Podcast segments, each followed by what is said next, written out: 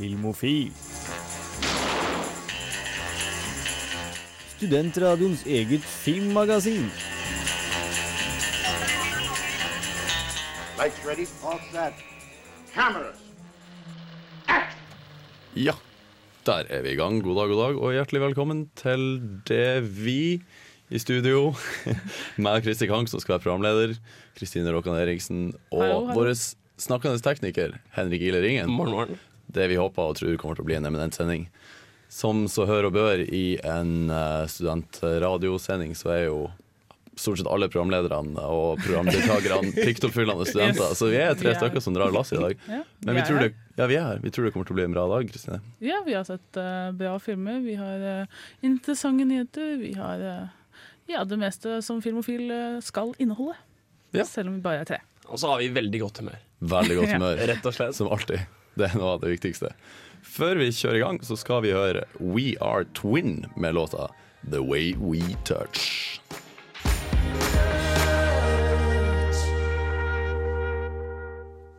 Og vi skal kjøre i gang med ukas nyheter. Filmofil gir deg nyhender fra filmen og fjernsynets i spanende vær. Ja, da har vi vært nede i nyhetsfjæra og løfta på steiner og kikka oss rundt og lett. Og hva vi har funnet for noe? Så vakkert bilde du tar. Jeg er jo nordlending, vet du. Jeg nordlending. Jeg har gravd fram eh, en ja, ikke noe sånt du har lyst til å finne i fjæra, kanskje. Det er en klassisk eh, sånn, eh, ikke skrekkfilm, da, men eh, creepy film, kan jeg kalle det for. Min favoritt. Um, jeg tror absolutt min favoritt eh, Stephen King-adopsjon. Det er Pet, Pet Cemetery. Skal nå, har nå gått et steg framover mot å få en remake. Det har jo snakk, har vært snakk om det ganske så lenge, men nå har vi fått en regissør som er on board, og det er ingen ringere enn Johan Carlos eh, eh, Fresnadillo, hvis jeg sier det noenlunde riktig. Gjør jeg sikkert ikke, men han er kjent fra å ha lagd eh, 28 um, eh, 28 eh, Weeks Later. Zombiefilm. Eh, som er ja, relativt OK zombiefilm, og i tillegg til noen andre sånne ganske creepy, sånn typiske skrekkfilmer. Som, som jeg, og jeg tror han kan, han kan passe ganske bra til Pet Cemetery. Jeg er veldig sånn skeptisk, fordi det er som sagt min absolutt favoritt Stephen King-adaptasjon. Sorry, Shining-fans. eh, Det er bare sånn. Det er et eller annet med den som eh, Har dere sett den, forresten? Jeg må kanskje spørre om Jeg det. har ikke sett den. Nei, det, det er også handler om en eh, familie med en ung gutt som flytter inn i et sånt gammelt amerikansk type landlig hus ute i ingen steder. Og så er det en sånn creepy nabo som har, har veldig mange parodier. Dere har sikkert sett parodier av denne naboen. South Park. Ja, The Mountain nemlig. is 17. Yes. Nøyaktig han. Og, og han forteller da om The Pet Cemetery, som er der alle, alle barna i nabolaget gravlagte sine husdyr. Eh, og så viser seg at eh, katten deres dør, da, blant annet, og så begraver de den, og så kommer den tilbake. Og så, og så blir det verre og verre. Altså, det den er så campy og teit, men samtidig jeg vet ikke hva det er med den som gjør at jeg bare elsker den. Det er skikkelig guilty pleasure. Altså. Det oh, ja, helt såpass, altså, det, er, det er ikke en bra film, Nei, egentlig. ikke, ikke fra våre standarder, kan du si. da Men eh, det er, den, det er et eller annet som sitter i For det handler jo om det der vil, Hvis du kan bringe noen tilbake til døde, vil du det? Og det stikker dypt, liksom. Ja, ja. Så selv om den er skikkelig teit og klein, og han naboen er bare dust, ja, skikkelig dust, men det er, det, det er creepy for det, altså. Ja. Så får vi håpe at det blir en bedre adopsjon enn Ja. både Gressklippermannen og den snakkende fryseren og alt det her. Jeg håper det. Apropos campy, teit og også bitte litt skummelt. Uh, yeah. Masse. Nå ja, nå har det jeg, tror, jeg vil si at det her er kongen av campy, Tate og litt skummelt. Oh. eh, nemlig From Dusk Till Dawn. Oh. Ja, det er Robert. Rodriguez, eh, Bortsett fra skummelt-delen. Ja, ja, ja, Nei, ikke skummelt. ikke. Jeg vet ikke. hvilken del av det som skulle vært skummelt. Er det når du blir overrasket første vampyrdelen Ja, av det? Da blir du litt overrasket, og så oi! Og så, OK, never mind, det var Altså, Uma Thurman. Okay, nei, Du blir kanskje ikke redd, er men du blir litt frika ut. Ja. Hva sa du? Du blir, kanskje, du blir kanskje ikke redd, men du blir kanskje litt frika hvis du ikke vet noen ting om filmen. Du blir husker- frika. Ja, Første gangen du ser den, ja, så tenker Er du du ikke over hva det er. Nyhenda i dette henseende Ja. er jo så det, såleis at det skal bli en TV-serieadopsjon av denne filmen. Av Dust Till Dawn, den minst plottfylte Ja, filmen. ja, det det- pokker skal Det det er jo som du sier, Kristine. Liksom hele filmen står og faller jo på den her. At du første, film, første halvdelen av filmen Altså, åpninga fra Dawn når de rana en bensinstasjon og alt det her. Ja. dritkul. Ja, det er dritfett. Dritbra film. En av de beste, mest yeah, Tarantino-aktige, ja, ja. Robert Rodriguez, coole Mm, filmer. Så switcha det om. Og så Ja. skal du på en måte Skal du lage, skal du lage seks episoder med kule gutter altså, med seks lagt etter å leie inn Clooney da, som CGI-et, sånn som, sånn som de, de gjorde i Tron? Gud, ikke si CGI sånne ting. alt til Det varte til blasphemy, 20 Jeg, altså. jeg, har hørt, jeg har hørt at George Clooney har spilt i så mange filmer at hvis de skulle laga en ny George Clooney-film, så kan de bruke alt det materialet fra tidligere filmer og fortsatt få et fullt plott. Men uh, George Clooney eh, skal verken CGI-es eller castes, så vidt jeg har hørt. Men det skal derimot Miami Wise-legende Don Johnson. Og Herregud. også DJ Cotrona, tror jeg det uttales. Det er han prettyboyen fra G.I. Joe. Som vi så han Det her kan bli veldig rart. Herregud. Superrart. Like rart som Dusty Dawn er i utgangspunktet. Ja, akkurat. Ja, mer Ja. Jeg har en, eh, kanskje ikke en, eh, en nyhet sånn sett, men det er i hvert fall et eh, slags public service announcement, kan du si. da. Det er for de som, som har lyst til å dra å se Enders Game, som uh, blant annet Jens Erik har uh, anmeldt denne uka, som vi skal høre på senere i sendingen. Eh, Men en, en liten sånn eh, opplysning da, om denne filmen er at det, er jo basert på en bok som er skrevet av Orson Scott, Scott Card, som ikke er verdens eh, Mm. Hyggeligste person, kan du oh, ja, si. ok, greit. Han er en douchebag. Jeg, jeg, jeg var redd du skulle si noe om boka, for Nei. det er ikke greit. Skyld, nei, jeg skal ikke si jeg, har, jeg kan ikke si noe om boka, for jeg har ikke lest den. Ah, ja. Eh, men jeg har tenkt på å lese den, og da, eh, men så har jeg da den derre at han er skikkelig douchebag. eh, og liksom, skal man gi mer penger til en douchebag. Ja, og da kan du, jeg kan forsikre folk om at eh, han ikke får noe penger fra filmen. Fordi den dealen eh, gikk gjennom for ja, godt ti år siden, så han har fått betalt allerede. Så han får ikke noe sånn, der, sånn Revenue. prosent av, eh, av revenue. Så du kan helt trygt se Enders Game og vite at ingen penger går til den douchebagen. Ja, Jeg så seriøst en movie review av, på The Escapist, og han duden sa at ja, altså det er et moralsk valg å se denne filmen her. Men nei, du, har du lyst til å se den? Fordi, fordi altså, han, han er en douchebag. Liksom. Han Han har levd hele livet av Enders Game, og nå får han penger dette her. Det er ikke OK. Men så, som du sier, Ja. da, de, de kjøpte bare rettighetene til filmen. Yes, så nå kan du, nå Ja, kan du okay. ja, men da så. Kan du se den med god samvittighet. Det var første runde med ukas nyheter. Nå skal vi kjøre i gang med Naomi Pilgrims No Gun.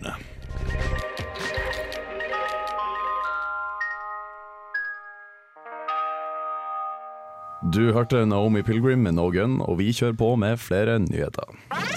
Filmofil gir deg nyhender fra filmen og fjernsynets i spanende verden. Spennende, spennende verden, Kristine. Ja, jeg har det. Eh, jeg har eh, Skal vi se Enda en sånn eh, Ja, en, ikke en remake, men denne gangen en, en filmatisering av en TV-serie. Og det er eh, en serie som heter Spooks, eller MI5, eh, depending on which country you're from. Eh, som er en serie jeg uh, liker veldig godt. Oi da. Mikrofonflever! Ja, den lever sitt Det eget liv. veldig Den bare å se går i på. alle Det retninger. Spooks, det, her, det her er bygd opp på en pet cemetery. Det er Ja, ja, det er helt ting seg selv. Der Det du sier er at Spooks er den britiske TV-serien som jeg ikke har sett på ennå, som visstnok er litt kul. Ja, og den skal, den skal bli gjort til en film, og de har, eh, vi har flere nyheter om det. Vi har fått en tittel. Den skal hete Spooks The Greater Good. Eh, og vi skal ha de samme, den samme stjernen, altså Peter Firth, som skal spille den head of counterterrorism, kult. som han gjør i serien. Mm. samme executive producer skal være med. Og eh, jeg tror også noen av de som skrev serien, skal også være med på å skrive. Og eh, den skal handle om at en terrorist eh, rømmer fra MI5 custody, og at Harry Pearce, som da er head of counterterrorism, blir, eh, får skylden, og, og at han da forsvinner, og så må hans protesjé eh, finne ut hva som skjedde. Så det, det høres dritkult ut. Det høres skikkelig sånn spooksaktig ut. En serie som jeg digger, eh, så anbefaler serien og gleder meg til eh, filmen. Ja, det høres vel, for er, er serien over?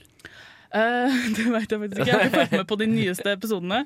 Uh, men jeg tror kanskje det. Jeg er ikke helt sikker. Den har gått Jeg har sett jeg har sett ni sesonger, Oi. Eh, så jeg vet ikke om den holder på ennå, men det er jævlig gøy. Altså, det er et eller annet med de karakterene, og de holder liksom energien oppe hele tida. I hvert fall, Jeg er veldig glad i sesong seks og sju. Jeg hoppet faktisk inn der først. Å, ja. jeg gikk tilbake. Og, Eh, så det er, ja, det er kjempegøy, bra karakterer, og, og det er litt sånn annerledes da enn forhold til sånn standard spy-greier. Mm. Når jeg har fått av meg headsetet, så skal jeg notere det tilbake i øret. Det er gjennomgående tema her i nyhetsfronten at er TV-serier som blir film, filmer som blir TV-serier. Nytt take på dette nyhetsbildet her. En, eh, et kjent fjes fra film skal lage TV-serie. Nemlig Steve Carell. Oi, Ja vel? hva skal han drive med? Eh, han har tenkt å lage et Jeg klarte, jeg prøvde å oversette det til noe sånn snedig norsk, men det er et comedy crime show. Komedisk eh, krimshow? Ja, et komisk, komisk krimshow. Komisk Krim, krim. krim er norsk godt nok. Show er ikke godt norsk. Altså et, Nei, serie, da. serie, et komisk krimserie. Wow. Jeg vet veldig lite om det, bortsett fra at han produserer det i lag med en kona Nancy Carroll. Oi. Som jeg ikke vet noen ting om, bortsett fra kona til Steve Carroll. Jeg tror hun har, hun har vært på Saturday Night Live, tror jeg. Ja, hun er i hvert fall komiker, hun òg, tror jeg. Mm, mm. Ja.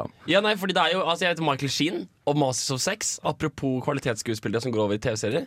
Michael Sheen har begynt en ny TV-serie som heter Masters of Sex. Som er Ja, Han, det sku, han, han skuespiller jo ræva av alle scener, som alltid. Så det har gått bra før, og, og Steve Carell er veldig flink. Steve Carell er kjempeflink. Han, Awesome. han har jo han har jo ikke et så vidt spekter av roller, men han spiller de rollene superbra. Så, og det er på tide at vi får et sånn take på det her murder porn-trenden som har runda så altfor lenge. Ja, ja, ja. Men det er tatt på kornet, for det det er på tide at noen, noen ironiserer over konseptet. Så de er i gang med å regissere, produsere og skrive manuset til pilotepisoden i disse dager. Så vi får jo se han Steve Carell i Anchorman 2 for den tid. Ja, det var ikke det jeg han skulle si. ja. Han spiller jo litt forskjellige roller. Altså, altså The 40 Year Old Virgin og Anchorman-rollene hans er jo, De er jo betraktelig forskjellige. Ja, men ikke minst eh, Crazy Og Stupid Love, Love, jeg som si er det. genial. Og der spiller han jo ansvarlig voksen. Altså, den er søt og herlig. Så vi kan ta det her opp til debatt en gang, en gang det høver seg. Ja, da kan jeg komme med en liten nyhet eh, sånn på tampen. Eh, Det er eh, på en måte en oppfølgernyhet. Det er egentlig grunnen til at jeg tar opp, er for å snakke om en herlig, gammel Helt sykt teit film som er så gøy. Og det er en film som heter Anaconda. Åh, Ja, ja, Ja, Ja, Vi elsker Anaconda, folkens. Det er Filmofil approved. Og den, den fikk jo mange oppfølgere i sin tid, eh, som ikke er verdt å se i det hele tatt. Men nå skal det komme noe nytt nå som jeg måtte bare ta fram. Og det skal være altså en, på en måte en crossover. Jeg vet ikke helt hvordan det skal funke, men det skal være altså eh, Lake Placid versus Anaconda. Blir, jeg vet ikke hvordan det skal funke. I ikke det skal hete det. Altså, den skal kanskje hete Å, Lake. Placid versus Anaconda. Som da er Det blir altså en, opp, på en oppfølger. Det blir sånn Alien versus Predator. Ikke si det! jeg vet ikke helt hvordan det skal gå, men det høres helt latterlig fantastisk ut. Og det gir en unnskyldning til at alle kan gå og se Anaconda igjen. Kan det her være en sånn, sånn tilfelle av at man, altså hele manusarbeidet har lekka og arbeidstittelen har kommet ut? og så har det blitt en så stor greie rundt det. Og det vi så på Snakes on the Plane. Ja, Ja, Filmen skulle ikke hete det. Den skulle hete noe sånn Flight 113875. Så det Det må det. bli noe sånt noe. Og ja, nei, jeg, jeg digger sånne typer filmer som er helt latterlige. Eh, men samtidig så kan de også være veldig dårlige. Det er en sånn veldig vanskelig balanse, så ja, skepsis kanskje.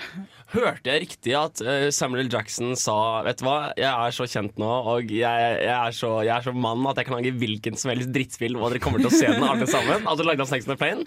Er det sant? meg. Jeg vet ikke, det er mye Men det var vel mye sånne her ting som ble fangenerert. Ja, det ble det. Der, Han kunne vært med i den her. Ja, ja, ja, det det hadde vært kult. Da hadde jeg sett den. Vi burde bare begynne å lage nettstorm fra nå utover.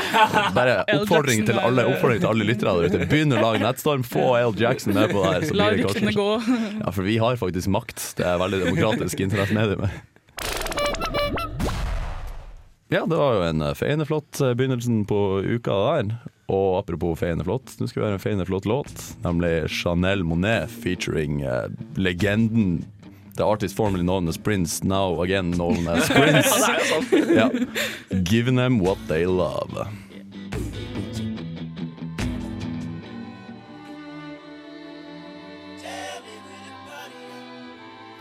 Hei, jeg er Agnes Kittelsen, Og jeg er Aksel Henning, og det er viktig at eh, dere hører på Filmofil. filmofil.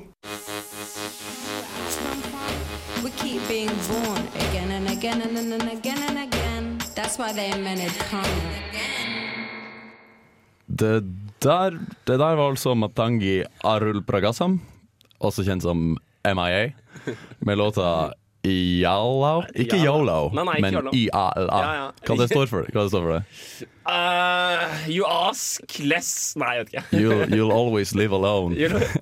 Oi, den var dyp! Og litt Og trist. Kjempe, jeg tror ikke det var det den Nei, egentlig betyr, siden låta der var veldig upbeat og glad og tempofylt. Ja. Apropos upbeat og glad og artig. Vi er glad, vi er glad i studio. Vi er glad. Er vi glad? Kristine, er vi glad? Ja, kjempeglad. Jeg er veldig glad, for vi skal ha ukas eh, kinopremiere nå. Uh, og uh, Jens Erik Våler er jo ikke i studio, men han har vært snill nok til å være her i ånd og sjel og tanke, og har spilla inn en, en anmeldelse for oss til filmen Enders Game, som så mange har gleda seg til. Skal en av oss prøve å imitere han sånn Ja, Jens har lyst til å si noe nå, nå på forhånd, filmen. Gud. Ja, nei, nei, nei, jeg, nei, Nei, jeg, vi må, jeg vi må gampe videre Jeg tror at Vi legger den der ballen her død med en gang, og hører faktisk Jens Erik sin stemme sånn som den høres ut. Kjør anmeldelsen. They know our strategies. They've learned our weaknesses. And the alien attack nearly destroyed us. That must never be allowed to happen again. Filmen Enders Game er basert på forfatter Orson Scott Cards sci-fi-epos fra 1985, og er en litt hard nøtt å knekke. Rent politisk er Card en skikkelig dust, men boka har likevel vært et innflytelsesrikt og forutseende verk som står sterkt som en av de store klassikerne innenfor sjangeren. Filmversjonen farer dessverre ikke like godt som boka, og er lett glemt etter to timer. They will be back. There's greatness in you, Ender. The world needs you. You were bred for this. Året er fremtiden, og menneskene gruer seg for det de tror er en nært forestående invasjon fra utenomjordiske rominsekter. 50 år har gått siden forrige invasjonen, og de menneskelige militærstyrkene forsøker seg på en ny strategi i håp om å få bukt mot trusselen fra verdensrommet. Løsningen er barnesoldater, trent gjennom en rekke simuleringer, gruppepress og psykologisk tortur til å bli strateger og kommandører for menneskeflåten.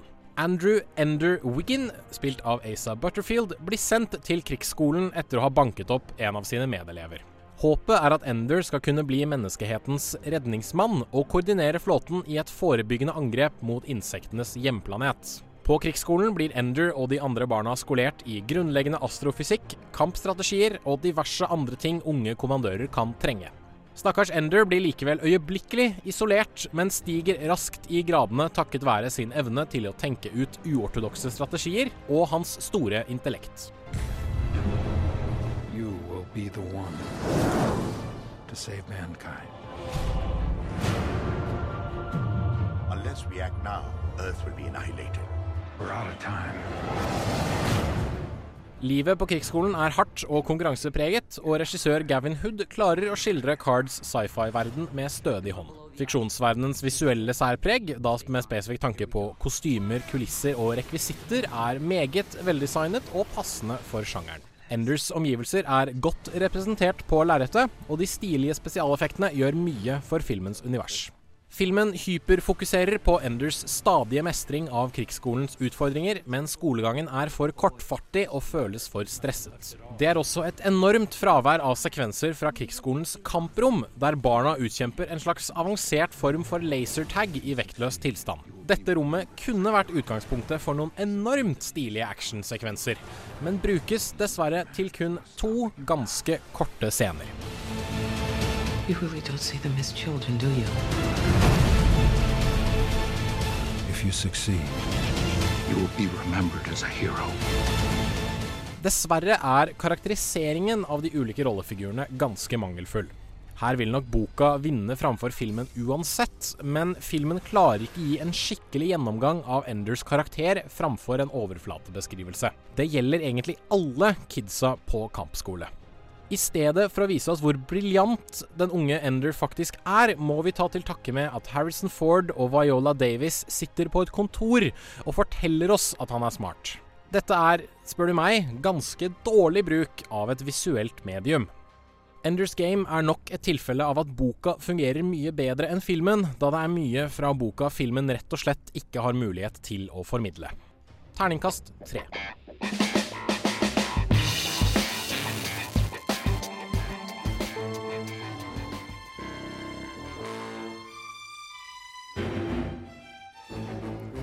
Ja, det var Elvis Costello det, og The Roots med låta 'Refuse to be Saved'. Og nå skal vi over til noen som ikke refuse to be saved, men som faktisk ikke kan bli saved. Du er god på de Sånn en segway, altså. Jeg prøver, jeg prøver. Det er. Men eh, med det sagt, jeg vil ikke at du skal avsløre om noen blir saved eller ikke saved, men du skal ut ifra traileren til filmen 'Gravity', som du har vært og sett nå, så ser det jo veldig håpløst ut. Har du sett bare traileren? Det kan det bli. jeg? Anmelde filmen? Nei, jeg skal anmelde filmen nå. Um, ja, Vi kan jo begynne med litt bakgrunn, da, hva det handler om. Jeg skal ikke som sagt, jeg skal ikke spoile noe. Det er selvfølgelig, jeg skal ikke gjøre det. Herregud. Altså, vi er et seriøst filmprogram her. ja, uh, jeg kan si litt om hva det handler om. da. Det er altså, Vi er ute i rommet, uh, ute i, i bane rundt eh, jorda, ved The Hubble Telescope, hvor det er to, tre em, sånne spacewalking astronauts som eh, skal fikse noe på det. Og det har også du har George Clooney som spiller en, en sånn eh, litt eldre astronaut, eh, Matt Kowalski, som har, er på sin siste sånn romferd. Og så har du den unge, litt yngre, da, kan du si. Eh, Sandra Bullock, ikke ung lenger, som spiller en doktor Rhinestone, som skal installere noe sånne, nytt spesial, spesialutstyr på Hubble-teleskopet. Eh, og så, så får de beskjed over, um, over radioen da, eh, at, eh, at det er noe sånn space debris som kommer, som kommer til å treffe deres bane. da. Altså, russerne har sprengt en av sine Ja. egne spionsatellitter. Ja, og det, Mm. det sies i at det kanskje er med vilje, da, men eh, det er ikke så viktig i forhold til plottet. Da. Det viktige er at, at de blir truffet av dette space debris, da, som det heter. Og da går ting til helvete, for å si det mildt. For de som har sett traileren, så blir hun Sandra Bullock da dyttet ut i rommet, rett og slett. I liksom ja, helt alene i Mm. space uten noen ting å holde fast ved. Og det er ja, nerve-wracking. Og så går filmen da ut på ja, å prøve å fikse det her da, og komme seg hjem. Da. Mm. Det er jo litt av et uh, problem. Ja, det, er- jeg vil si det er problem over alle problem. Altså, jeg, ah, jeg, får, jeg svetter i håndflata bare av å tenke på Ja, det ja, scenarioet. altså, Ja. altså, mitt, mitt største problem jeg, jeg så den på kinodagen på lørdag. Uh, sånn jeg, nei, jeg, jeg hørte en venninne skryte om at hun skulle på pressevisning i går. Og jeg tenkte ha, jeg, jeg så den på lørdag.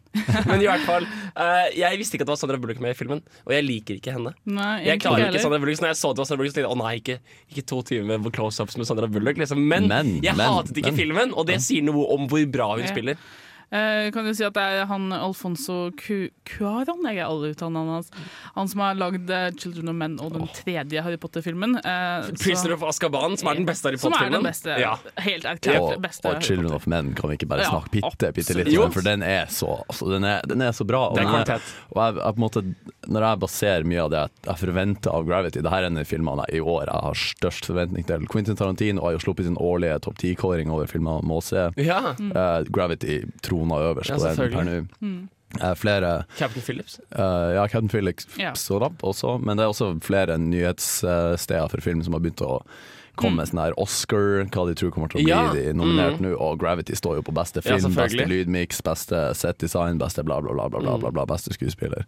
Callback, forresten. eh, Hvis du har lyst til å se Clive Owen i en fantastisk film som ikke er Inside Man eller Sin City, så er 'Children of Men' Ja. eh, filmen også. Ja. Ja, Children of Men er så stilbevisst. Altså det er sånn her, Den er så stilbevisst. Den Mm. shooter-outen som varer i 14 minutter, eller hva det er, med ett sammenhengende take. Det, er, liksom? ja, og det er, også- den er, alt er gjort veldig veldig manuelt. Den blodspetteren som kommer opp på skjermen, er en ordentlig blodsprut. Altså, det er. Altså, det, De hadde ekstra til å stå der. ja, det er bare å stå der og ja, den er veldig ja. Så jeg håper at det, den, den er stilmessig sterk. Gravity. Men da, Gravity. jeg har, jeg, har, jeg har så mange jeg kjenner som har blitt sånn her, som har hatt sånn hard-on, sånn filmatografisk hard-on i to timer når de har sett den filmen. Ja, altså, det er visuelt utrolig sterkt, det kan jeg bare si med en gang. Er, du sitter der og tenker shit, dette her er skikkelig ille. Får, altså jeg tenkte liksom at nei, jeg er såpass liksom, kinovant, og jeg ser så mye sci-fi og jeg ser så mye rare, ekle greier, at dette her kommer ikke til å face meg. Liksom. Og så sitter jeg der, og så blir hun kastet ut av bane, og hun snurrer rundt, og hun har, det er ingenting som stopper denne snurrende momentet hennes, da, selvfølgelig. Det er jo i space. Og da jeg, jeg fikk helt noia. Det er helt utrolig hvor noia jeg fikk. Og i 3D, da, og i, ikke minst i den nye Ulm, altså Liv Ullmann-salen på Nova, med uh, Dolby Atmos-lyd Ja, for det er sånn der 128 kanalers lyd. Helt sykt. Herregud, altså. Ja, men det kan jeg snakke enda mer om. Ja. Ja, for uh, du skal få lov å, å konkludere med om det her var en serverdig film eller ikke, etter at vi har hørt uh, El Fata med Champion Sound. Champion samba, bara man danser, dansa lägger tabben i det är Ja, det var El Fata med Champion Sound. Og vi var, før låta ble spilt, godt i gang med å diskutere filmen Gravity, en av Ja. årets store som du har Dere, dere to, Ja, vi har vært Henrik heldige. og Kristina, har vært og sett Veldig heldige. Ja. eh, Jeg kan jo eh, begynne å si litt mer om eh, om ting som er veldig bra med filmen. Det er blant annet Sandra Bullock er kanskje den mest overraskende med den filmen. der. Jeg er ikke fan av henne, som Nei, vi er enig i. Um, Jeg var fan var av jeg- der, eh, der Miss Universe-greia Ja. her. Hva heter det? Den heter Miss Congeniality 1. Den er søt. Uh, men hun er, altså det er overraskende når hun, vi blir med henne inn i drakten hennes og ser henne på utrolig nært hold. Og du føler virkelig den derre 'nå er jeg aleine ute i Mm. rommet, og nobody can hear you scream', literally. Mm. Og det er utrolig sånn, Det går inn på deg, og hun, hun går gjennom en reise. da altså, Selve plottet er jo ikke så viktig som hvem hun er og hva hun står for. Sånn, det er egentlig ikke så viktig, det er mest det visuelle og den veldig korte reisen. Det føles veldig ut som en veldig kort film, egentlig, selv om den er Ja, det gjør det. Så, men hun er, hun er veldig bra. Det, det skal sies. Og jeg var overrasket. George Clooney er egentlig ikke så veldig mye med, så, men han er litt sånn på autopilot. George Clooney Altså, han, spiller- er George Clooney. Altså, han, han, han spiller, spiller på en måte cowboyen. Ja. Så han, hans rolle er, er, er å være kul og Ja, avslappet det er litt-. Ja, det er sånn som Han har bare liksom tatt sin vanlige karakter og bare skytt den opp i verdensrommet. Altså, altså, Bård kommenterte jo at han var som Buzz Lightyear. Ja. kan, kan, kan sies. Og To Infinity and Beyond får jo en ny, En betydning. ny betydning. Men altså 3D-effektene. Fordi Ja. Jeg har hørt mange si at vet du hva, det der er filmen du skal se i 3D. Ja, det er faktisk veldig bra, og jeg var overrasket, fordi jeg leste i ettertid at, det er- at det var post-production til det. Nei! nei. Jo, jeg, det har jeg hørt, og Sær? jeg trodde den var filma i 3D. Jeg var bombesikker på det. Og den, det funker veldig bra, fordi det er, det er en av de gangene hvor du er litt sånn Imax-aktig, at du får ting i ansiktet, og du må rykke til. Og samtidig så får du den der evighetsfølelsen at du liksom Å, shit, jeg må strekke ut og bare hjelpe henne! For, for det er jo på en måte 3D-effektens styrke, syns jeg. Ja. Det her med å få ting i ansiktet er ikke s- det å få Takk til deg. vi, må Nei, få, altså- vi må ha en sånn plingelyd hver gang det er sånn koffertsang. Men ok, da, men det, å, det å få sånne ting veldig nært Ansiktet, ja. Ja, ansiktet Ja, altså, er, det- er, det er på en måte ikke 3D-effektens styrke, det er den der dybdeeffekten. jeg Immersion, ja, ja. ja. Og Ja, det var, det funker, begge deler funker Ja. her. Men var det, var det bare en glede? Fra ende til annen? Altså, det, den har visse svakheter i terms of altså, pl Selve plottet er egentlig ikke så veldig interessant. Det er mer for å bare ha en eller annen eh, eh, altså, noe å transportere dette utrolige visuelle i. Og noen ganger så, kom, så blir symbolikken litt sånn OK, we get it. Liksom, et par ganger så var det sånn, meg ah, yeah, I see what you did there. Eh, så jeg kan ikke si noen spesifikke eksempler på det, for jeg skal ikke, skal bare, skal ikke spoile. Men noen ganger så tenker du OK. Men samtidig så glemmer du det, fordi det er bare så visuelt liksom, Det bare tar deg med. Du kan ikke gi slipp på det. Men altså, hva er greia? Hva er greia? Eh, med regissører med spansklydende navn som bare begynner å utforske det her kjempeisolerte rommet her. Vi, jeg tenker på Buried, den forrige Ja, filmen som kom ut. Med, Ja. Hva han heter han? Jeg husker ikke. Jeg husker verken regissørnavnet eller Men jeg husker plottet han som bare er i en kiste hele Mm. filmen. Er det her litt sånn samme greia? Begynner vi å se en tendens med folk som begynner å utforske filmmediumet som Mm, altså, hvor, ja. Det er, det, er, det er absolutt mer om det visuelle og den der følelsen av å være med enn noen form for liksom, noe plott. Du skal ikke, ikke tenke på hva de egentlig gjør der oppe, for eksempel. eller Altså, noen sånne ting. det, er, det er en skurk i den filmen, her, og det er Russland. Men det er kanskje ikke så tydelig. det er litt morsomt at. Russland er tilbake som skurk. Ja. Ja. De, de, altså, med, med Putin i makta og sånn. Nei, du glemmer det etter, etter fem minutter. Ja. Seriøst. Det er ikke noe å tenke på. Så Ja. anbefales. Anbefales. det er en film som alle må bare se, for det er en opplevelse. Og du må få, med, få det med deg på kino, ikke minst. Og I 3D. hele den der lydopplevelsen og Mm. 3D-opplevelsen. Så ja, jeg vil gi den Jeg må gi den en femmer. En er femmer, ja? Uten tvil. Sånn minst femmer, altså. Sterk femmer. Ja, det må jeg. Det høres, eh, det, høres, eh, det høres bra ut. Jeg skal få se den. Jeg gleder meg mye. Uh, Mye. mye. Apropos mye, nå skal vi nå skal vi høre Pusha T med 40 Acres Feet The Dream.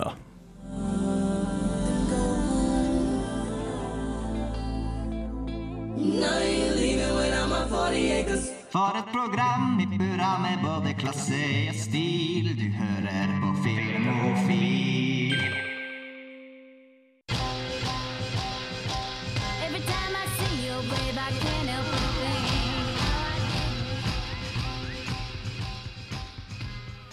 Det her var US Girls med låta Overtime.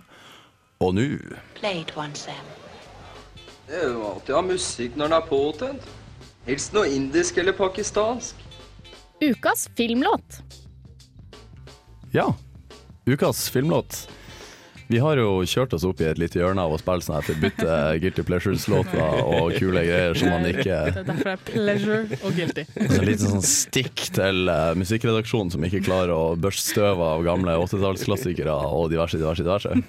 Vi Eh, er litt rebelske. vi er kjemperebelske. Det er det mest antiautoritære programmet på radio det. Vi putter The Revolt in Radio Revolt. Definitivt. Definitivt, definitivt. Og for ei låt vi har børsta støv av nå. Jeg var og uh, bladde litt gjennom eh, noen sånne her internettlistinger over de mest brukte låtene i filmmediumet og seriemediumet for øvrig. Fant blant annet Vangelis eh, 'Chariots of Fire' og Ja. mye Lynnard Skynyrd var òg der, den spiller vi her for litt siden. Det gjorde vi. I hvert fall, i, hvert- i hvert fall fem- 15 sekunder av den. Ja, ja vi gjorde det. Ja, ja. Ja, minst. Definitivt. Minst. Nei, nei, det var bare det, fordi vi hadde, vi hadde, vi hadde fått tak et, et, et, et klipp. Et klipp av sangen. Ja. Det, var, det var 15 sekunder eh, som en sånn teaser. Så nå kan, nå kan dere gå hjem og skal høre på den sangen her. Dere kan glede dere. Men den låta her er jo en uh, teasad sang. Det her er en låt som eh, veldig mange, når den kommer på i bakgrunnen, så tenker de 'Å, den låta her', men aner ikke hva den, hva den er, hvordan det høres ut. Men de fleste, de fleste kan nynne på den på stående fot, og vi skal få et eksempel nå.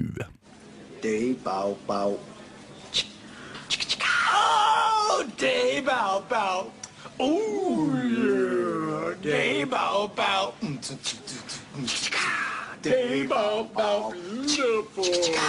Ja, det her var det her var sånn det hørtes ut når han Mac i serien Always Sunny in Philadelphia prøvde å beskrive for sin mindre, eller mer tungnevnte eh, bestevenn Charlie eh, hvordan låta Day Bow Bow høres ut. Men eh, låta heter ikke Day Bow Bow i det hele tatt, den heter Oh Yeah. Og er, oh yeah Og er laga av eh, Det var litt creepy og accurate, altså. Så da, okay, nå trenger vi to lyder. av. Vi må, vi må ha koffertlyd og creepy-lyd. Creepy-lyd og koffertlyd, ja. Christer Kangs Creepy og koffert-pling. Ja. Det, her er den fantastiske jeg vil, jeg vil egentlig prate mer om bandet enn om hvilke filmer og låter det blir brukt i. Det her er den fantastiske sveitsiske elektronikaduoen bestående av Dieter Meyer og Boris Blank. Der han Dieter Meyer var arving av et sveitsisk industrimogulselskap. Hva? Eh, han solgte unna hele sin eh, forfedres uh, hardt arbeida frem eh, industriselskap og bestemte seg for å lage elektroni elektronisk musikk. Og de ble pionerer innenfor sjangeren. Ja. Men hvilken serie og film er det her ikke brukt i? Oh, det er så mange. En av mine favoritteksempler er jo uh, Ferris Bueller's Day Off, uh, som er en absolutt uh, ungdomsklassiker fra, fra 1986, tenker jeg. Og det var jo i den filmen at på en måte den estetikken rundt eh, låta ble stadfesta med babes og biler og diverse. Ja, I hvert fall den herlige Ferrarien som, som jo blir så forferdelig ødelagt. Oh, Og så hørte jeg noe om at den der, den der, den der um, um, den der uh, floaten de har, heter Ja, det float, som de har i den paraden? Nylig på internett. Ja, eh, for det Reddit. Ja, eh, det- det er det at, jeg gjør. At det var putta inn i en ekte parade. En ekte hvor parade? folk ikke visste at dette her var en del av en film, sånn slik at de kunne få det mer ekte. Jeg vet ikke. Jo, jo, akkurat bare det er få sant, så er det entusiasmen og jævlig kult. Den har også blitt brukt i en film jeg ikke har sett, K9 fra 1989. Noen som har sett den? K9 The Widowmaker? Kanskje. Ikke tvile tviler på det var den. For det, det er ikke en film som ville hatt en sånn låt. Men uh, K9 eh, som i eh, eh, politihund, kanskje? Ja, det må være noe sånt. Det er nok det. Eh, en film som jeg husker å ha sett den i, også Not Another Teen Movie fra 2001. Ja, Den er herlig, da. Den er det er eneste, eneste sånn parodifilm som er bedre enn originale She's All That. For jeg husker Ja, nesten ikke She's sant. All That, Nei, men men jeg husker Not Another Teen Movie. Og når det kommer til reklamefilmer og Ja. alt mulig, events eh, kommer en låt i er bakgrunnen. Åpninga på konserter, avslutninga på DJ-sett. Uh, TV-serier, Always Sunny Philadelphia, ble jo nettopp nevnt. Det er jo også uh, brukt i uh, South Park-episoden Hell on Earth 2006. Ja, stemmer Og det er i tillegg teamsongen til Duffman i Simpsons. Ja. Så uh, Dette var maks sånn video, videotrivia. Ja, definitivt. Så her er det bare å feast our ears til uh, Oh yeah.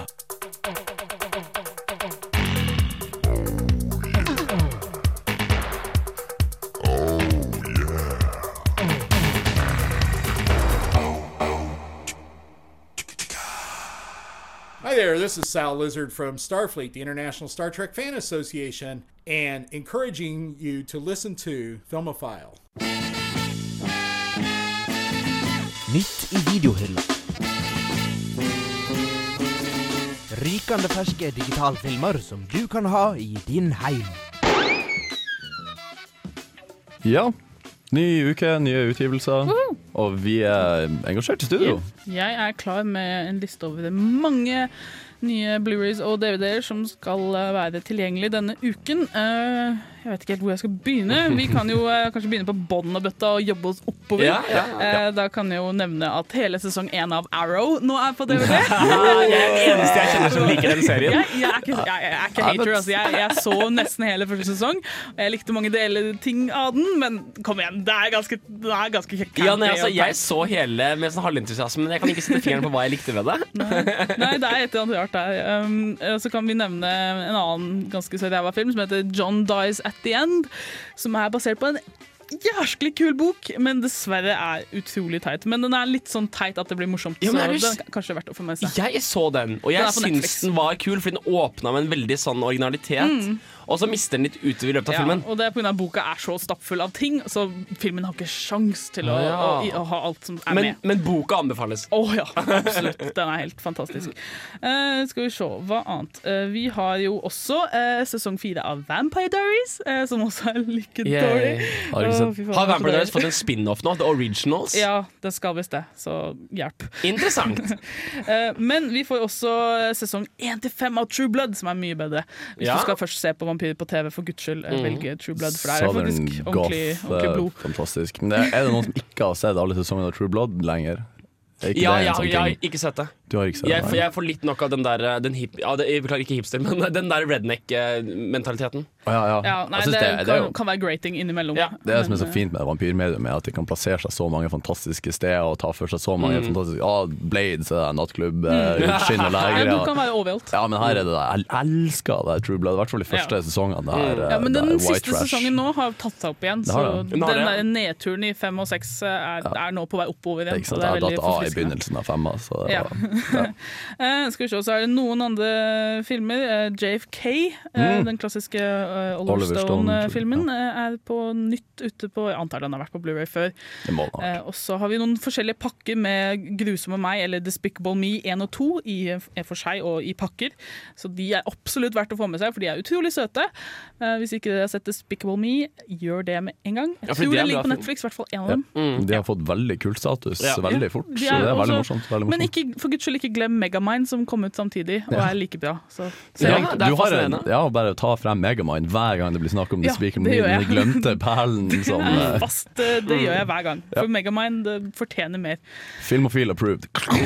Ja, altså, nå trenger vi et stempel. Ja, du trenger stempellyd. Jeg, jeg bare noterer ned. Bare ja. snakk videre. Jeg skal Ja. skrive litt ja, og så er min sånn store ting denne uka da, er at hele sesong én av Hannibal-serien er ute på DVD og Blu-ray. Som Den skal jeg ha. Jeg skal ut og kjøpe den med en gang. Det er kvalitet. Ja.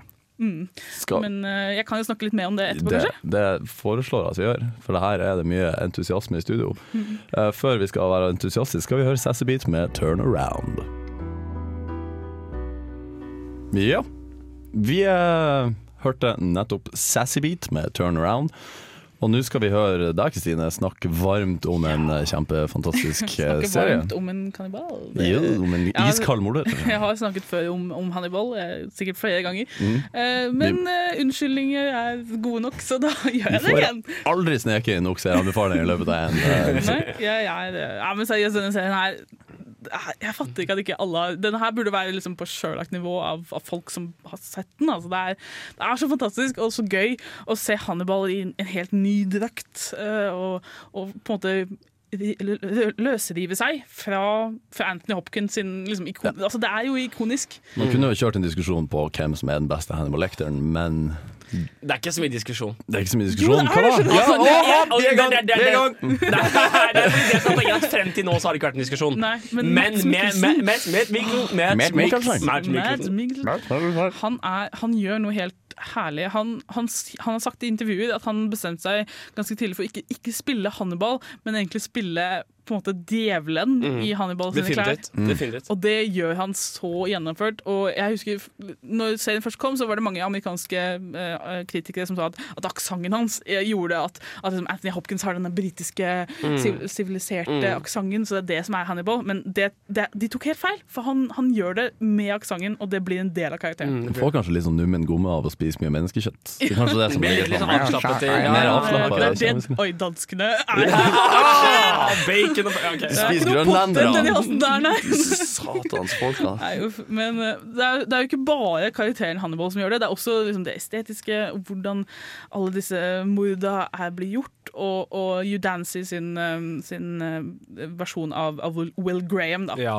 Men det er, jeg, jeg, det er- fordi Du nevnte det med estetikken. Ja. Og, det, og det er så definerende karakter ved Hannibal-TV-serien Mm. at hvor smooth Mikkelsen spiller rollen, og hvor smooth scenene med han er. Det er- sånne middagsscener som på en måte både ærer original originalfilmene Mm. og på en måte komplementerer hans rolle så fantastisk. Og man sitter der og bare sånn Å, dette er så fantastisk! Og det er, samtidig så får du sånne bitte små sånn tongue in cheek moments hvor han sier sånn I have to have you over for dinner Sånn, Og du bare, oh, Hannibal, I see you what you did tease you. Oh. Du får jo ikke en lang nok serie for å putte inn alle de her pønsene. Nei, med. Iskald Hannibal Lecter-estetikk. Men det er, apropos murder porn, er ikke det her innafor uh, sjangermessig? jeg Jeg syns det det blir nesten vakkert. Ja, det blir det. det de Derav er- porn, derav porn. Nei, nei, for det, ja, i, så fall, I så fall så er det her artistisk porno. For han står Ja. liksom og, han står liksom og svøler en sånn 600 dollar vin Ja. mens han kutter opp noen lunger med en sånn utrolig dyr kniv. Altså, Ja. det, det, er så, det er så artistisk. De mordene som Will Graham undersøker, da, og de som, ikke, de som blir gjort av andre, blant annet. Og liksom, du har sånne hele totemperler konstruert av menneskekropper. Men til, altså, det er jo ekkelt ved første glans, men så blir det på en måte måten det er filma på og gjort, så blir det et kunstverk. Mm. Du ser, liksom, du ser en sånn kvinne som er spidda av, eh, av reinsdyrhorn. eh, En elgevir. Ja, det er det vel. Og du tenker 'å gud, forferdelig', men samtidig 'shit, det er egentlig litt pent'. Ja, på. altså, du- jeg har kan ha det på veggen. Altså, så man får veldig inntrykk av at sånne seriemordere er artister Ja, på en måte. det er, det er utrolig sånn unik følelse å se på den serien. Altså. Det er gøy. Men uh, sterke roller, svake roller, Lawrence Fishburne Ja, Han er jo det svake punktet i serien. Han og kona som har ingenting å gjøre i den serien. Jeg fatter Nei, ikke for hvorfor de de er med. de kjører liten bigreie. De er, de er utrolig irriterende. Det er sånn der, ok, Skal vi stoppe og se på Matt Mikkelsen for å ha litt såpeopera? Hva er det tullet? Jeg blir skikkelig provosert hver gang de er på, på skjermen. Så, men heldigvis er det, det er mest Hannibal og, Will Graham, så Det er så mye du kan spin- overleve. Så det er en must watch, da, med andre. ja. ja. Spin-off-serier er jo veldig populært for tida. Kommer det en spin-off-serie med Bare, Lawrence bare Fishburne. Han, han og liksom 'Married with a Cannibal' eller noe sånt. Ja, nei, uff, det er teit. Åh, Men det kommer i hvert fall ut på DVD nå. Ja, hele i, første sesong, og sesong to kommer i løpet av neste år, tenker jeg. Så Hvor mange sesonger har det kommet eh, Nei, det er- totalt? det er bare. Det er bare én. Sesong to begynner neste år. den Ikke sant? eh, begynner, så jeg gleder meg. Uff. Mm. Herlig, herlig, herlig. Apropos Harley, nå skal vi høre den fantastiske låta The Just uh, The just, Gesture Ah. I Just Fuck! The gesture I just made me inside The just, just De må lære seg å lage kortere. Ja, de må gjøre det, Han altså. har ikke vært DJ. Hvor vanskelig kan det være? The gesture I just made means I love you av Osk, eller Øsk? Øsk? Øsk. Øsk. Øsk. The gesture I Ja, kjør låt.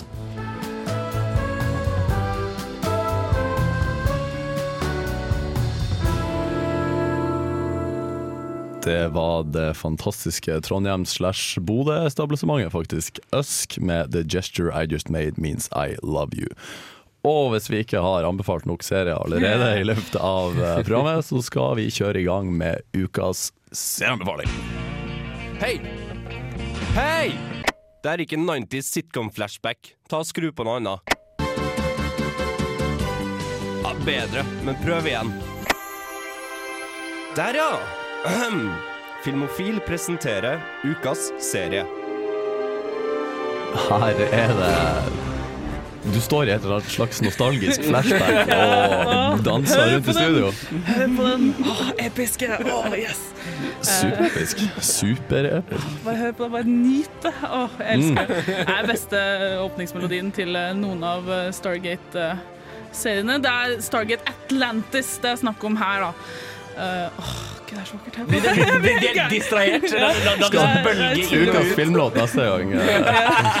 Nei, det er, det er altså Ukas serieanbefaling er eh, Star Stargate Atlantis. Altså, vi har jo et ganske stort Stargate-univers eh, nå for tiden, med SG1 og Universe og den originale filmen, selvfølgelig. Og, og et par TV-filmer. Eh, men det er denne jeg har valgt, av flere årsaker. Men det kommer vi til etter hvert. Vi skal kanskje først ta en kjapp gjennomgang om hva, hva det er snakk om. Har dere sett serien? Jeg har sett SG1 med Ma- MacGyver. Okay, Du har sett eh, ja, den første, eh, som jo er, er veldig gøy. yeah. Men min favoritt er eh, Atlantis, og da er det samme konsept. Det er slike store ringer som er portaler til Altså, de lager wormholes til andre planeter, og mennesker kan ha funnet dem. Altså, det er liksom gammel sivilisasjon som har lagd dem, og vi finner dem i moderne tid og kan da reise til andre planeter og utforske, og det blir masse konflikt og morsomme greier. Og i Atlantis så finner de en, eh, på en, måte, en superversjon av dette her i, under Arktisen, uh, i isen. Og så viser det seg at denne her går til en spesifikk eh, et annen galakse. da, altså Den går såpass Langt. langt, unna Wow. uh, at den må ha liksom ekstra juice da, for å komme seg dit. Og det er da The Lost City of Atlantis. Så det, det, det er basically Star Trek uten all reisinga? jo, det er reising. Det er bare reising uten, uten romskip. Men romskipa blir med etter hvert, de også. Oh, ja. uh, Så du får mye mer romskip eh, utover serien. da. Uh, Men så er det altså en team av folk som drar til Atlantis for å, for å liksom utforske, og så blir de selvfølgelig kutta av fra jorda, og de må overleve alene i The City of Atlantis, og så, kommer det, så vekker de en sånn gammel rase med romvesen som heter The Wraith, og de er sånn, de kan liksom bare ta tak i deg og bare draine livet ut av deg, slik at du blir bare sånn råtna og mumieaktig greie. Så de vekker, vekkes til live igjen, og greia med at de på en måte høster mennesker som bor på alle planetene rundt omkring i systemet. Og det er liksom det, de er sånn på en måte slags overlords da, som bare går og høster mennesker som, som om de er mm. liksom poteter, nærmest. Ikke sant? Mhm. Så, og da som, Og alle menneskene er jo liksom, The Lost City of Atlantis er jo lost, så de som originalt bygde byen, er borte. Så da må disse menneskene fra, fra jorda da prøve å liksom hjelpe disse primitive folka rundt omkring på planetene, samtidig som de må holde seg unna The Wraith. Så det er, Mm. ja, det er ganske spennende. Og det som er så gøy med Atlantis i forhold til Stargate SG1 og Universe, er at de har en sånn utrolig herlig gruppefølelse. Altså, det er en gjeng med liksom, herlige, du har, herlige folk. Du har han liksom, jock-aktige fyren som er liksom, lederen, og så har du hun seriøse som er liksom, sjefsdama, og så har du eh, liksom, doktoren da, som er litt sånn nerd, og så har du liksom, the Marines, og så har du de lokale folka som etter hvert blir med i gruppa. Mm. Og til sammen så, så blir de skikkelig team, og det er så gøy! Det er, ja, men det er, det er en ting som SG1 er jo, er jo det originale teamet da, til Mhm. Stargate-universet. Og de er jo et bra team, Mhm. Det, må det, det skal jeg innrømme. Men de når aldri den gøyale og liksom skikkelig liksom camaraderie som, som Atlantis-teamet gjorde. Og det, det greide de å holde ganske jevnt utover hele fem sesonger. Oi. Men er det, er det samme, samme produksjonsteamet som Ja. de andre, andre Ja, altså det er helt likt. Det er i samme universet. Helt, uh, er, jeg vet ikke om det er samme sånn folk eller skribenter. Eller sånt, det vet jeg ikke. Men det er, det er blant annet crossover episodes oh, ja, eh, og sånne ting. Og det, det, skjer, det som skjer i S21-universet, har effekter på Atlantis-universet og omvendt. Eh, Så det er det det det altså, hvis du ikke har sett noe av Stargate, begynn med filmen, den originale, og bare jobb deg gjennom SG1 Atlantis og Universe. Altså. Originalen er fra 19... 19... eh, åh, Hva er det for Men mener, er den fortsatt, er den fortsatt bra? Ja, herregud! 1994. Det er med Kurt Russell og James Bader, og den er, det er en av mine absolutt favoritt-sci-fi-filmer. Jeg elsker den filmen. Den er, skikkelig teit, men den er dritkul. Eh, og den starta hele det Stargate eh, altså Det er grunnen til at vi har Alle- alle de- de alle disse sesongene. Altså, SG1 hadde vel sju sesonger? Jeg husker ikke. Mer? Jeg husker ikke. Det er en del Det er sesonger. og Atlantis hadde fem, og i tillegg TV-filmer, og så Universe hadde én sesong. Så vi har et enormt univers eh, takket være den filmen, og eh, ja, seriøst, hvis ikke folk har sett det her, så begynn å ha det gøy. You better. Det er så bra med Det som er så bra med sci-fi-plottet i seg sjøl jeg, jeg må innrømme jeg er veldig dårlig på få med meg sci-fi-ting. Fordi at det er rett og slett så mye å sette seg inn i. Det. Men det er når, du, når du begynner å lage en serie, så for eksempel Nå kommer jeg til å nevne South Park, bare for å bruke et banalt og lett gjenkjennelig Merkelig. Jeg, tror, har du nevnt det før? Det er- Kanskje Er det det tidligere i enn det- jeg. Jeg, jeg skal høre på podkasten Kan det være det du nevner hver gang du kommer med et eksempel? Det kan godt hende. Ja, Men du har på en måte fire gutter med et spesifikt karaktergalleri. Fortell mer. Ja, men så skal det være nok mat i de her karakterene her til å kunne lage mange, mange mange sesonger ut av det. Jeg synes det er litt Det er litt sånn Når du har hele universet å jobbe med, så kan du selvfølgelig lage x antall sesonger med uante vinklinger. For det er så svært. Det er så Ja, svært. Det blir så mye på. å følge med på. Ja, det er godt. Du kan ikke holde på i all evighet, fordi karakterene må være interessante nok til at du har noe å basere altså, Ja, Hvis du ikke bryr deg om karakterene, så gidder du ikke å se. Og det er det som, som jeg tror Universe ikke greide. da Den greide ikke å få den der For Stargate-universet hadde alltid basert seg på likende karakterer som jobba sammen mot Mm. fiender, mens Universe var egentlig helt motsatt. Det var et skip med folk som hata hverandre. Ikke sant? Så det er derfor det bare ble en sesong av det. Ja, det er in in interessant du skulle si, fordi Caprica, prequelen til Bats of Galactica, Ja. det var jævlig godt produsert og kul på en måte. Jeg synes det var en kul story, Mm. men det var, det var ikke noe særlig personlighet sant? Eh, og det, du må ha noen du kan heie på, tror jeg. Og, og i Stargate Atlantis så heier du så sykt på disse folka.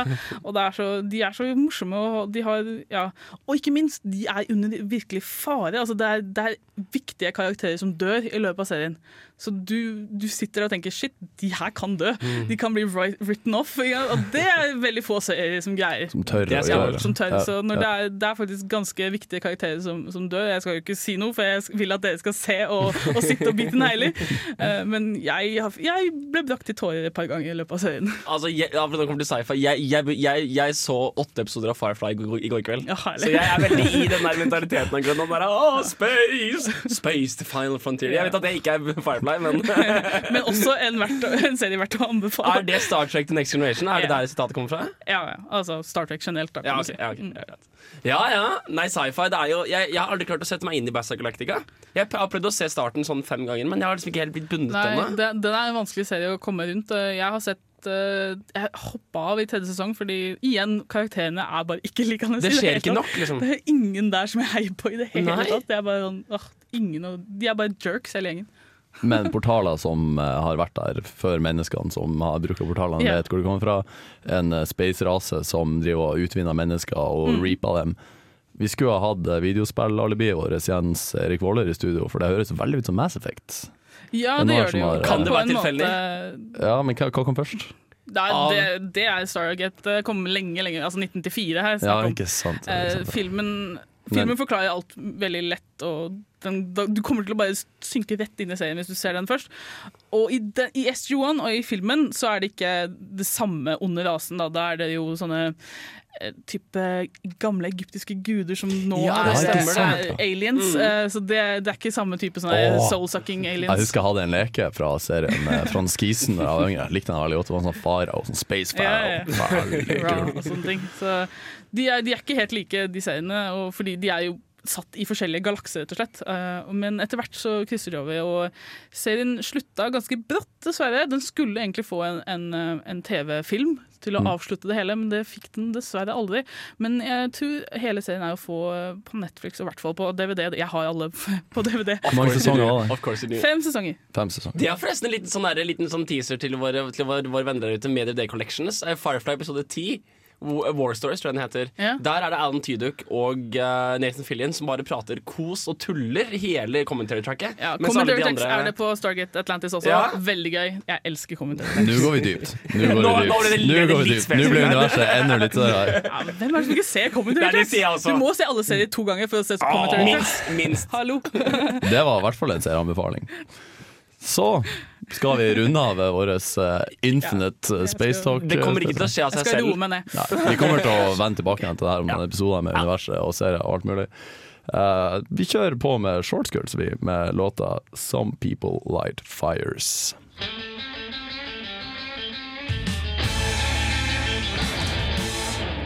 Shortskirts, 'Some People Light Fires'. Og ja. Ja. Jeps, ja. Uff, nå skal Yeah. vi roe oss litt ned her og puste litt ut. Og Det er, det, er, det, er, det er mye futt i den sangen der. Låta der. Ja, absolutt. Det er det. Men, Men, eh, men vi, skal, ja, eh, vi skal ta opp en tråd som vi hadde Vi hadde tråden for to uker siden, og så ble den borte. Det, jeg, vil, jeg, vil, jeg vil bare skjære inn igjennom og si at det her er Filmofils mest kontroversielle spalte. Nå har vi gått over i høyreliberal regjering som vil ha bort hjemmelekse fra, fra skolen.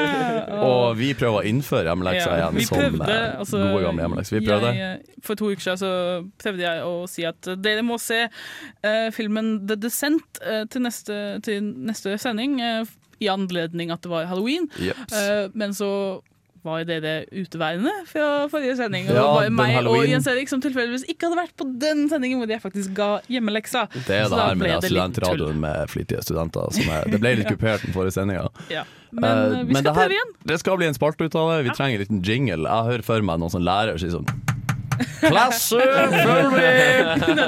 Hjemmelekse! Du kan gjøre det live hver gang. Ja, så altså så klasse sier sånn ah, nei, men jeg har, jeg, har, jeg har med en melding hjemmefra. Jeg kan vise den frem. Ja, ja. Christer ble fritatt hjemmelekse forrige, Nei, forrige uke fordi sorry, han var borte. ikke. Ja, ok. Jeg ser det. Du har bare hevet meg til mora di sin underskrift. Mamma stjal DVD-en min. VG står det. Altså bare, du, du det Hun her tygde i stykker DVD-en. Ja. Men ja, vi prøver igjen, og vi skal lykkes denne gangen. Ja, vi håper det. Ja, jeg vi skal i hvert fall si ifra til de andre at, eh, at vi skal liksom sende det Du får ta med hjemmeleksen hjem til de andre. Ja, De som er fraværende. Jeg sitter oppe bak i klassen. Mm, mm, jeg kan ta meg hjem til de som ikke er her. Er flinke, Så kommer de til å hate deg for at du kommer med hjemmeleksa. Ja, men eh, vi skal ikke ha halloween, da, siden det er forbi nå. Det er passé. så Men vi skal gå tilbake til den originale ideen, tanken jeg hadde da når jeg først uh, fikk i oppdrag å gi den første hjemmeleksa. Og det var jo å finne en gammel eh, Mel Brooks-film. For jeg er jo så fan av de sånn gamle parodifilmene som ja, Du kan nesten argumentere at parodi i den formen er død, for vi får, lenge, vi får ikke lenger sånn Vi får bare teite scary movies om igjen og om igjen. Men før i tiden så var det å parodiere noe det var, det var skikkelig gjennomtenkt. Altså, man gjorde ting som, som kommenterte på tingen, ikke bare refererte til den. Ja, ikke sant? Uh, og det, noen som var geniale på det, det er, det er Mel Brooks. Han er mine, en av mine absolutt favoritt-komifilmskapere. Og han er, han er en gud. Um, Oi, oi, oi, Han er seriøst Ja, han er det. Ja, han, ja. Han er en gud, altså. Han er herlig. Og uh, han har utrolig mange herlige filmer. De fleste har kanskje sett uh, Men in Tights, som er Robin Mm. Hood-parodien hans. Mm. Klassiker. Uh, så er det kanskje noen som har sett uh, Spaceballs, som er Star Wars-parodien hans. Også, også kvalitet. Som er kvalitet. herlig. Du har sett den? eller? Ja da. Som er- ja. er dårlig. Så bra. Eh, så har du um, Dracula-parodien hans, som er Dracula Dead and Loving It. Eller Tot unglücklich, som jeg liker å si. Tot unglücklich. Jeg jeg vet ikke hva det er, men den tyske tittelen er bare gøy å si. Eh, som er eh, ikke, kanskje ikke så bra som de andre, men jeg syns den er Det er et eller annet nostalgisk over den som er så gøy. Altså, Renfield spesielt eh, er herlig. Død og lykkelig. Ja, Jeg kommer akkurat fra Tyskland, så jeg kan Wow, Ja, du har- du, er oversatt. Brushed up på din tysker. Yes! Ja, det er Ikke bra. visst, ja, ja, ja. Ja. Og så har vi jo den gamle Wild Wild West-parodien hans, som var en Blazing Saddles, som blir referert til i Men in Tights for Ja. hvis folk har fått med seg det. Men jeg til slutt bestemte meg for å gå enda lenger tilbake og ta Young Frankenstein som hjemmeleksa. Og Young Frankenstein er ganske opplagt Frankenstein-parodien hans. Eh, Du trenger ikke ha sett den originale Frankenstein, fordi altså, den karakteren er i hodet ditt allerede. Ja, selv om du ikke har sett den originale. Ikke sant? Så du veit hvem Frankenstein er. Du veit liksom Igor. Eh, er den der krumryggede hjelperen til Dr. Frankenstein. Ikke sant? Du skjønner, du husker at eh, han ender opp i en eller sånn vindmølle som setter fyr. Ikke? Mm. Vi kan disse momentene i historien, selv om vi ikke har sett originalfilmen. Og derfor er Young Frankenstein dritmorsom til tross for det, eh, at du ikke har sett den. Og det er med Gene Wilder i hovedpersonen. Og, altså, Gene Wilder, hallo, du må like han. Ja, altså, det, er, det er kvalitet. Det er interessant det du sier om at Frankenstein er faktisk, det er faktisk eh, smeltet inn i populærkulturen. vår. Mm, Vi trenger ikke å ha sett den for å kunne plottet. Nei, altså. ingen, absolutt ikke. Og det som er med den Young Frankenstein, er at du føler skikkelig sånn Åh, nå skal jeg se på en gammel, god klassiker. Eh, Den er fra 1974. eh, Så ja, lenge før noen av vår tid. Jo, men- men den er, den er filma i sort-hvitt. Eh, Så den, den ser eldre ut enn det. Den skal liksom vekke liksom, de gamle 50-talls eh, Frankenstein-filmene. Og det gjør den jo. Absolutt. Og, men den, den, den treffer akkurat de riktige delene å parodiere. Ikke sant? Du får eksempel det Nå skal jeg ikke spoile så mye, men jeg kan ta litt sånne eksempler. Og det er eksempel at uh, Igor er jo helt genial i den filmen. der. Han, er helt, han ser helt rar ut. men det som gjør han morsom, er at han ikke er klar over at han har en hump på ryggen. liksom. Og det er bare den ideen. Hva hvis Igor ikke var klar over det? Det, det er bare sånne ting som ingen andre moderne parodier ville tenkt over. De ville bare hatt en Igor som datt. Ikke sant? Ja. Ja, så, det er så det hjemmelekse. her er- Ukas hjemmelekse er Young Frankenstein. Young Frankenstein. Young Frankenstein. En, eh, en klassiker blant klassikere. ja, ja, definitivt. Det er, det, er, det er en av de filmene som ikke nødvendigvis er sånn som liksom Citizen Kane eller Lawrence of Arabia. Filmer som 'Å, det er en beste film'. Men du må bare se Du den. må se. Ja. Filmofil gjør hjemmeleksa morsom. Nå skal vi høre Death by Unga Bunga med låta You're an Animal.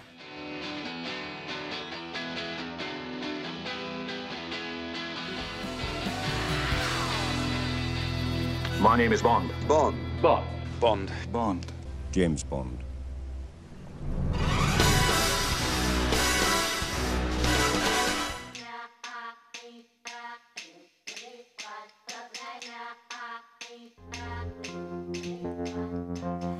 Og der fikk vi jo sneke inn fantastiske Hotchip med låta Flutes. Og uh, for en avslutning på en uh, ellers fantastisk sending. Vi må vel dessverre runde av. ja, må vel det. Nærmest tampen. Ja. Men for en sending det har vært. Vi har hatt mye bra nytt. Ja, vi har ikke minst uh, Vi kan jo ta for oss uh, kinopremierene. da. Eh, Enders Game fikk eh, dessverre bare en terningkast tre av eh, Jens Erik. Ja, og han var jo ikke her for å forsvare seg, men jeg stoler på han. Ja, vi får det. Men det er tøffe tøfler. Det er, det er vanskelig å lage en, Ja, en, en, en, en kan- film av en så, så god bok.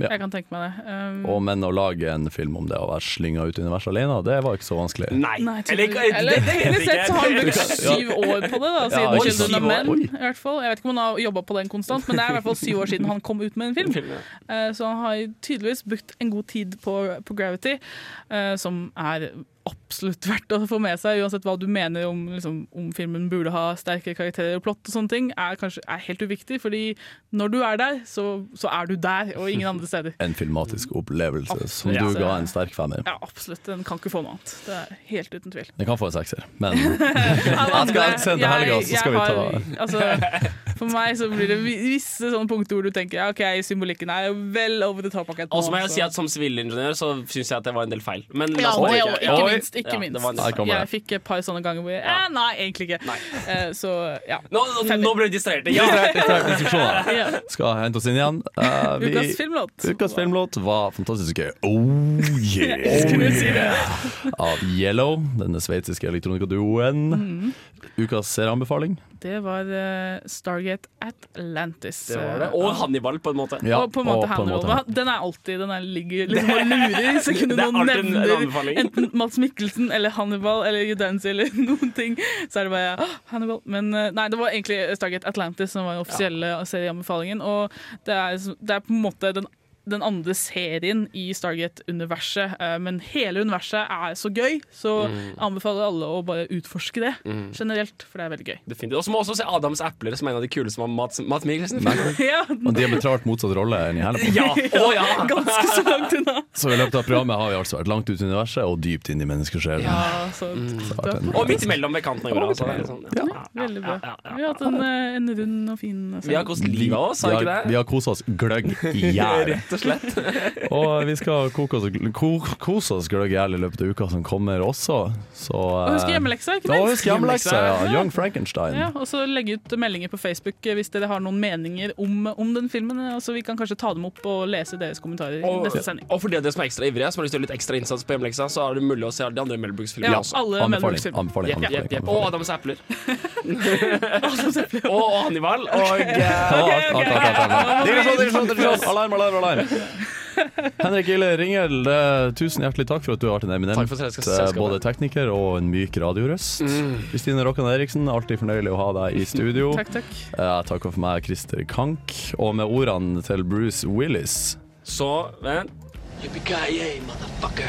eller den berømmelige norske oversettelsen Hipp hurra krølltryne. Så- Krølltyne eller krølletryne? Krølletryne, sorry. Men hipp hurra, krølletryne der ute. Vi tar uh, en tidlig helg. Kos dere. Med får- låta 'Dark Side' av Paper Trails. Ja, eventuelt uh, omvendt. Er det ikke det? Det er Paper Trails av Ja. Dark Side. Det er et sykt kvalitet. Den er så chill, den sangen her. En så bra sending fikk et så antiklimatisk avslutning. Dark, dark Side med Paper Trails. Ha det bra, folkens. Ha det.